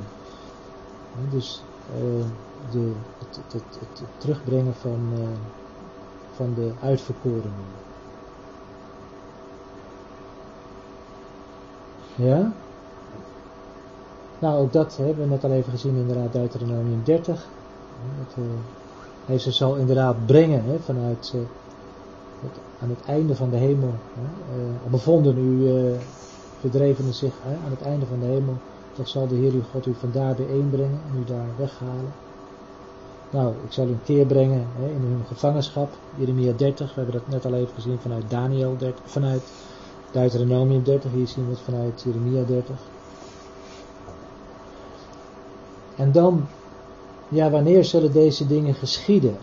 dat is ook een vraag van de discipelen. En dan is het opvallend dat de Heer eigenlijk vooral de aandacht vestigt op het alert zijn. Het alert zijn op de tekenen die dan zullen plaatsvinden. Uh, leer van de vijgenboom deze gelijkenis wanneer zijn tak al zacht wordt en de bladeren uitspruit. Dan weet u dat de zomer nabij uh, is. Zo ook wanneer u deze dingen zult zien, weet dan dat het nabij is, voor de deur. En als dat zo zal zijn, want hier wordt veel, vaak veel aandacht aan gegeven. Men, men zegt bijvoorbeeld dat uh, ja, sinds 1948 is dus uh, ja, is, is eigenlijk die, die, die, uh, die vijgenboom bezig uit te spruiten. Ik geloof dat niet. Ik geloof dat dit, hè, zoals een vijgenboom uitspruit, hè, en je weet dat hè, aan die vijgenboom de zomer nabij is. Nou, dat is, zo werkt het eigenlijk ook met al die tekenen die vooraf zijn gegaan, die eigenlijk, waarvan je eigenlijk weet van als dat gebeurt, ja, dan is dus die komst van Christus aanstaande. En in feite natuurlijk de winterperiode hè, komt dan aan, tot een einde en, en breekt, om zo te zeggen, die vergelijking kun je natuurlijk wel trekken, de, de zomerperiode uh, gaat dan aanbreken als je de duizendjarig vrederijk hè, als een zomerperiode wil, wil, wil zien. Ik denk dat je dat ook wel zo kan zien. En dan ook zegt de Heer, dit geslacht zal zeker niet voorbij gaan totdat al deze dingen gebeurd zijn. Er zijn heel wat christenen die dachten van Christus komt terug in 1988. Want een geslacht duurt 40 jaar, ik geloof dat Valentie dat uh, geleerd heeft. En dan 1988 had dus de, de, de, het jaar moeten zijn waarop dus de Heer zou terug zijn. Ik denk dus dat over dit geslacht, ja het gaat over het geslacht, wat dus deze dingen, al die tekenen, deze compleet, hè, dus totaal, je kan vandaag ook zeggen, ja er zijn ook, er zijn ook uh, oorlogen en er zijn ziektes enzovoort enzovoort, epidemieën. Maar je moet het totaal dus zien, hè, van al die, die gebeurtenissen voorafgaat aan de wederkomst van, uh, van Christus. En die, dat geslacht zal niet voorbij gaan. Nou, en dan zegt de Heer in vers 36, die dag en het uur hè, is aan niemand bekend. Uh, nee, inderdaad, die dag en het uur niet, maar wel die gebeurtenissen daaraan voorafgaat. En dan gebruikt de Heer Jezus het voorbeeld van de dagen van Noach. Zo zal het zijn als de dagen van Noach. Dan kun je daar natuurlijk ook heel veel parallellen trekken met de dagen van Noach. De, de, de, de, de, zonde die daar tot een hoogtepunt kwam. Uh, en dat zal zich straks herhalen in de eindtijd.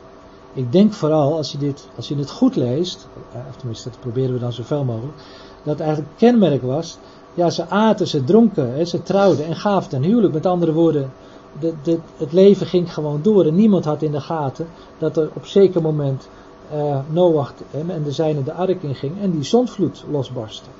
Dat, dat is eigenlijk waar, waar je voortdurend hier in het vervolg hè, de Heer Jezus de aandacht op vestigt van hè, wees alert. Die tijd, hè, dat je die tijd gaat, gaat herkennen, die gebeurtenissen die hier beschreven staan en natuurlijk andere delen van de schrift, dat je die dus herkent. En kennelijk ontgaat dus aan heel veel mensen deze hè, tekenen en zijn dus, ja, net als in de dagen van Noach, het leven ging gewoon door alsof er niks aan de hand was, totdat. Ja, nou dan lezen we in vers 40 en 41. Uh, ja, er zullen er twee op de akker zijn. De een zal aangenomen worden en de ander zal achtergelaten worden. Er zullen twee vrouwen malen met de molen en de een zal aangenomen worden en de ander zal achtergelaten worden. Wat, wat, wat hier opvalt is dat er, er zijn twee mensen, ze doen alle twee hetzelfde. Er zijn de twee die zijn bezig op de akker. Er zijn de twee hè, eh, die, eh, eh, die malen de molen. Maar er is wel een verschil. Namelijk de een wordt aangenomen, de achter wordt, aan de ander wordt achtergelaten. Achter, of uh, die uh, wordt achtergelaten. Nou, dat is. Gaan, ja, in Matthäus 13, daar lees je over het, over het onkruid. Hè, het tarwe en het onkruid dat er samen opgroeit. En als je die gelijkenis leest, dan zul je zien dat uh, de, de, de, de, ja, de, de, de arbeiders eigenlijk meteen willen ingrijpen. En dan zegt de Heer van de oogst, nee, wacht maar totdat ze beide opgroeien. En dan zal de tarwe verzameld worden in de schuren en het onkruid zal verzameld worden en verbrand worden. Nou, dat is eigenlijk wat we, wat we hier dus uh, zien. Want Matthäus 13, die gelijkenissen van, uh, die de Heer Jezus uh, geeft, hebben dus eigenlijk ook weer heel veel van doen. Dus met het aanbreken van dat koninkrijk en de gebeurtenissen daaromheen. De Heer zegt ook in Matthäus 13, de akker is de wereld, het goede zaad zijn de kinderen van het koninkrijk en het onkruid zijn de kinderen van de boze. Kinderen van het koninkrijk en degene die dus gehoor hebben gegeven aan, de, aan het evangelie van het koninkrijk. Zie je het verband? En de rechtvaardigen stralen dan, hè, zegt de Heer, Matthäus 13, dat is de uitleg van, van die gelijkenis van het onkruid en dat tarwe. De rechtvaardigen zullen stralen als de zon in het koninkrijk van hun vader. Heel opmerkelijk, het koninkrijk van hun vader. Het is inderdaad het koninkrijk hè, dat Christus op aarde zal vestigen.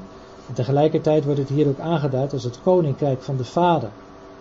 En als je dat weer legt naast het onze vader, het gebed wat de Heer Jezus eh, leerde aan zijn discipelen. Onze vader die in de hemel is, uit uw naam worden geheiligd, uw koninkrijk komen. Daar gaat het om, het aardse koninkrijk. U wil geschieden zoals in de hemel als ook op de aarde. Dat is het kenmerk van het koninkrijk als het straks zal aanbreken. Dat Gods wil zal geschieden niet alleen in de hemel. Je had het er net al even over dat Satan uit de hemel geworpen zal worden. Uh, maar het zal dus ook, zijn wil zal ook op aarde uh, dus ook geschieden. Ja? En het zal dus als zodanig ook zijn als ja, het koninkrijk van de Vader.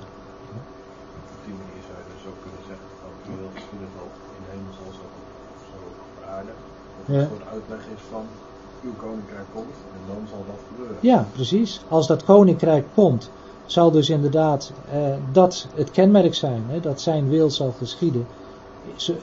Zowel in de hemel als inderdaad ook op de aarde. Ik heb ook wel eens gelezen dat dat uh, gebed, eigenlijk een gebed is ook voor de Joden, in, bedoeld voor deze tijd. Ja, geloof ik ook. Geloof ik ook. Ja, nee, terecht, Andries, dat geloof ik ook. Ja. Ik ga even kijken, want we, we zijn bijna aan het... Twee, uh, die, ja? die twee, wie zijn die, uh, die twee? Welke soort mensen zijn dat? Nou, die, ik, ik, uh, nou diegene, die dus aan, ja, degene die dus aangenomen wordt, dat, dat zullen dus degene zijn, dus de gelovigen zijn. En degene die... Van de... Nou ja, in, in, in die tijd dus. Dus, dus, dus, ja, de, dus spreekt in dit geval ja? tot zijn discipelen, Joodse mensen. Ja. Dan zullen er twee op de akker zijn. Wie ja. spreekt hij dan aan? Over wie spreekt hij dan? Ja, ik denk dat hij hier dus vooral spreekt dus over, over zijn volk, over het Joodse volk. En daarin zal er één aangenomen worden en één achtergelaten worden. Ja. En als je ja. dan denk je achtergelaten, van één gaat mee ja. en één blijft dat is achterlaten. Ja, nou, en dat leg je dus, want, want het is natuurlijk tekst en tekst vergelijken. Ja. Dus daar kom je dus bij Matthäus 13, bij dat, bij dus dat gelijkenis van dat tarwe en dat, uh, en dat onkruid. Ik stuur je niet toe, dus, dus, dus neem al die teksten, studeer het nog eens even rustig. En daar zie je dus dat inderdaad dat onkruid, dat wordt verzameld. Hè, en dat, dat, dat wordt weggedaan, dat wordt uh, ver, verbrand. Ja. ja. Ja, wordt verbrand, maar dat andere wordt ook, ja, maar wordt bijeengebracht in de schuren. En dat zie je dus ook in feite, dus dat, dat, uh, dat dus hè, uh, de een zal aangenomen worden, nou, dat, dat is het, het staat trouwens ook op het scherm, ander achtergelaten worden, ja, dat is dus het, het onkruid dat dus verbrand zal worden. Maar ik heb nog in mijn hoofd ergens dat heel Israël zalig zal worden.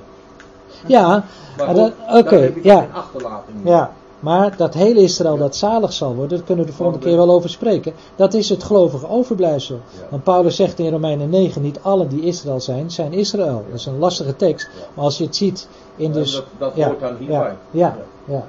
Is dit ook niet het moment van de verdrukking? Dus dat, uh, dat diegenen in de verdrukking gered worden? Ik denk dat het hier, ja, zeker. En dus ook, hè, want daar hebben we de vorige keer gezien, wie volharden zal tot het einde zal behouden worden. Dan hebben we gezien dat dat behoud hè, gaat in feite dus, dus die periode doorgaat. En dus uiteindelijk uh, de, dan ook dat koninkrijk zal binnengaan. Hè, dat, dat, dat, uh, dat aardse koninkrijk. Uh, dat zien we dan ook hier. Hè, de kinderen van het koninkrijk zijn degenen die gehoor hebben gegeven aan het evangelie van het koninkrijk. De rechtvaardigen hè, zullen dan stralen als de zon in het koninkrijk van hun vader. Uh, nou, de, deze hebben we behandeld. We zijn bijna nu klaar. Ja, en dan, uh, even kijken, die uren en die dag, is niet meer bekend. Uh, nou, dan, dan heb je dus de vergelijking van de zondvloed, hebben we het net over gehad, van Noach. Dan wees, wees dan waakzaam, want u weet niet op welk moment de Heer zal komen. Dat is de vergelijking van die inbreker. Als, als, degene zou, als je zou weten wanneer, welke nachtwaken, welke periode, welke fase van de nacht de inbreker zou komen, dan zou je waken.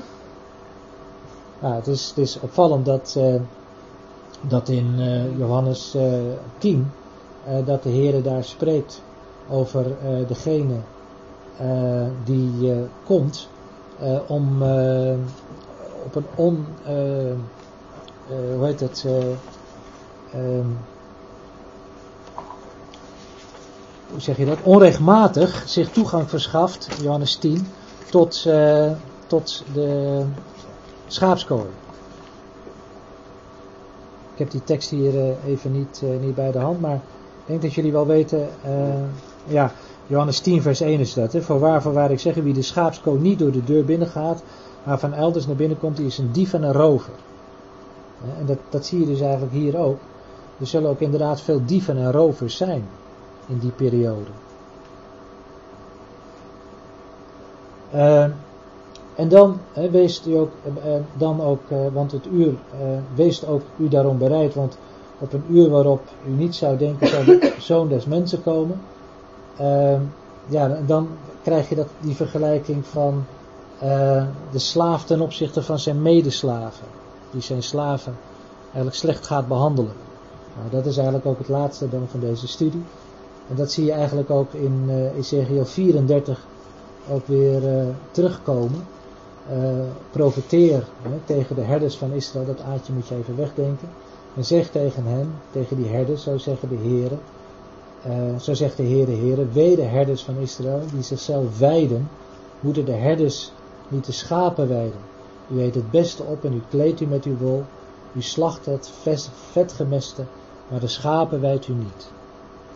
Nou, dat is eigenlijk wat, wat wij hier uh, zien in dit laatste gedeelte dan uh, van, uh, van Matthäus 24. Hè, die slechte slaaf die in zijn hart zegt eigenlijk tot zijn medeslaven, mijn heer blijft nog lang weg. En dan zijn medeslaven gaat slaan enzovoort enzovoort. Hun slecht behandeld. Nou, zo zou je kunnen zeggen ook uh, heeft de Heer ook, ja, ook over het volk ook herders aangesteld. Uh, herders die eigenlijk verantwoording moesten afleggen aan, aan de opperherder. De Heer zelf is de herder. En ik denk dat dat beeld uh, eigenlijk bedoeld wordt met de slechte slaaf. die wel door zijn Heer is aangesteld Om een goed huishouden, een goed, goed beheer te hebben over het huis. Maar, maar, die, uh, maar die slaven, uh, ja, dan, uh, dan gaat, uh, gaat slaan, ehm, enzovoort, enzovoort. Dus slecht behandeld. en dat zie je feitelijk ook weer terug ja, in, in hoe het volk geleden heeft onder ja, slaven die door de heren zijn aangesteld, hè, die waren bedoeld om het volk te leiden, om het volk tot zegen te zijn, hè, maar feitelijk uh, het uh, ja, zichzelf te goed hebben gedaan. En eigenlijk zichzelf gezocht hebben.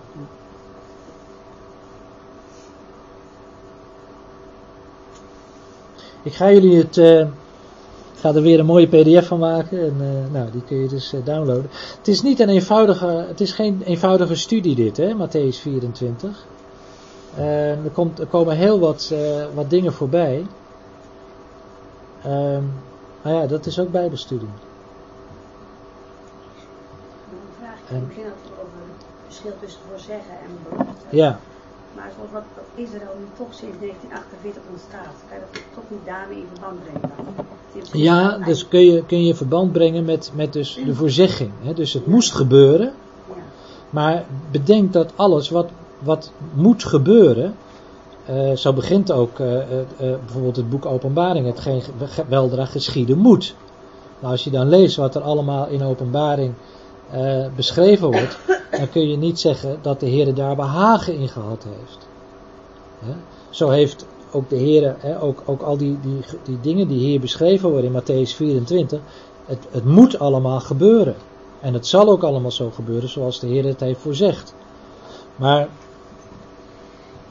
de uiteindelijke belofte van herstel, dat zal dus plaatsvinden bij de, bij de wederkomst van Christus. Dan zal dus de belofte van herstel en zal de Heer dus ook zelf door middel van zijn engelen de uitverkorenen verzamelen, zijn volk bijeenbrengen. En dan zal hij zelf ook garant staan voor eh, hun veiligheid. Hij zal te midden van zijn schapen zijn. En dat is dan dus die, die uit voor aan heel de wereld inderdaad, Ja. die over vandaan komen. Ja. Dan zou ik denken, nu wat nu al verzameld wordt, zijn dat dan niet degenen die zich straks zullen bekeren ook nog in het land. Ja, dat, maar dat heb ik ook, ook wel gezegd en ook wel. eh, ja, sorry, ik bedoel het niet negatief hoor. Zo van, ik heb het al gezegd. Maar nee, inderdaad, er zal dus een deel zich in het land bekeren. Een deel. Eh, en, en natuurlijk, eh, en onder de volkeren. Dus, dus zeker zal, zal, zal daar te midden van die verdrukking ook, een, ook een moment zijn van bekeer. Maar we hebben ook gezien, ik heb daar nou niet zo de nadruk op gelegd, maar dat de Heer zegt vlucht. Ze moeten het land uit. Ze moeten vluchten. Ze moeten vluchten naar de bergen. Jeruzalem zal geestelijk nog genoemd worden, Sodom en Egypte. Weet je, het zijn allemaal teksten waar, waar men vaak met een boog omheen gaat. Hè? Men zegt, eh, ja, maar de Heer is nu al bezig hè, met zijn volk terug te brengen en te zegenen enzovoort. En, hè, we hoeven geen, geen zorgen te hebben over, eh, over het volk, want het komt allemaal goed. Ja, dat weet ik ook wel dat het allemaal goed komt. Dat is ook wel wat de schrift zegt. Maar dat er nog een tijd van benauwdheid gaat komen en een tijd van verdrukking gaat komen, ja, dat is wat, wat men veelal eh, eigenlijk niet wil zien. En dat is voor ons, hè, als stichting is van de Bijbel, niet dat ik daar nou een promotieverhaaltje over wil houden, maar wij geloven hè, dat dat wel de, het zo belangrijk is dat het Joodse volk dus ook dat woord van God tot zijn beschikking heeft.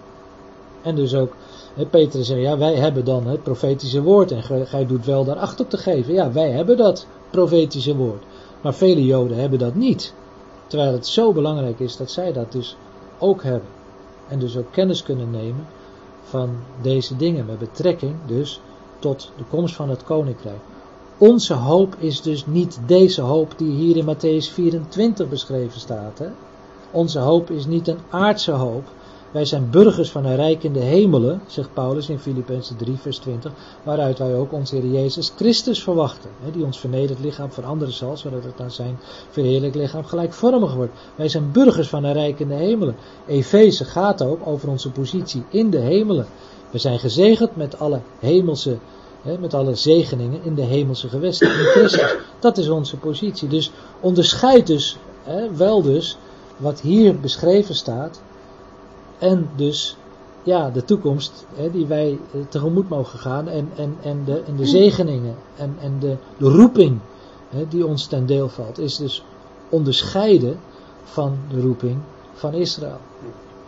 Ja, in de brief van Paulus staat juist van, als je oplet, dan komt het juist niet als een in de nacht. Dan Ja. je wel, eigenlijk, dat Ja, maar.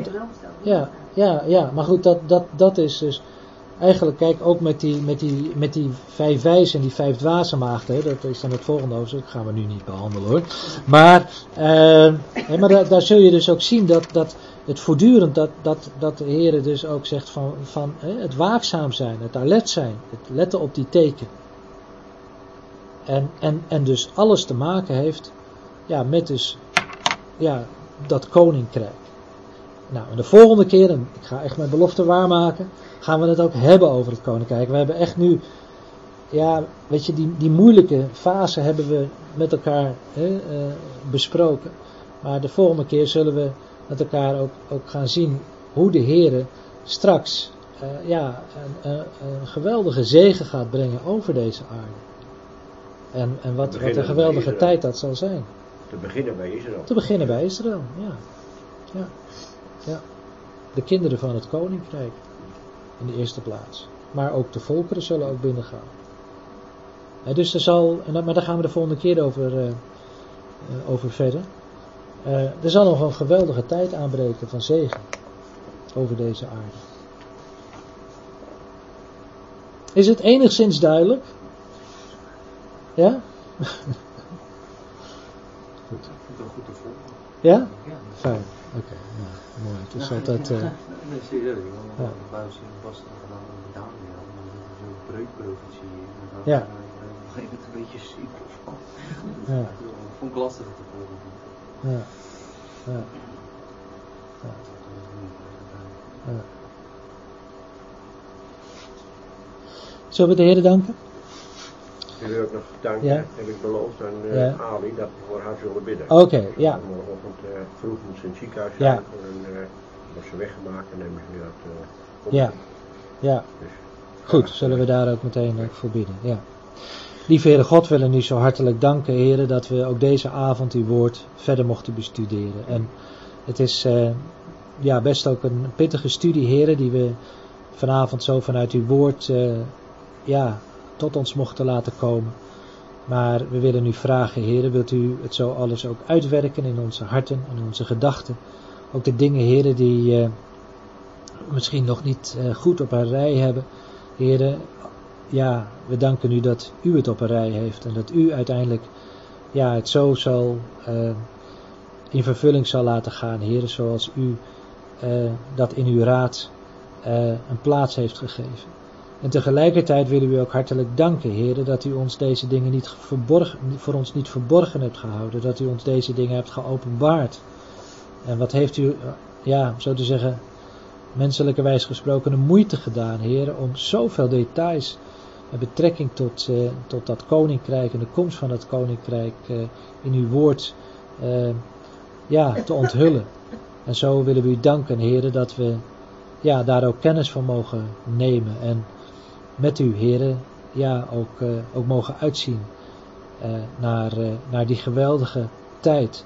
Heren, ook al is het niet onze verwachting en niet onze roeping, heren, want wij zijn burgers van een rijk in de hemelen. Maar toch, heren, mogen wij ook zien hoe u straks ook met deze aarde tot uw doel zult komen. En ook tegelijkertijd, heren, wat er ook nog een moeilijke tijd ook zal aanbreken voor uw volk, maar ook voor de volkeren der aarde.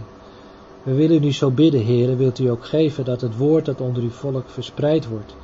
Heren, dat velen ook, uh, ja, ook, ook tot kennis mogen komen van hun Messias, de Heer Jezus Christus. Heren, en ook, uh, ja, deel mogen uit gaan maken van de gemeente, het lichaam van Christus. Maar we weten ook, heren, dat u ook met uw volk tot uw doel zult komen. En ook vele heren, ook in die tijd, zoals we net hebben gelezen in Matthäus 24.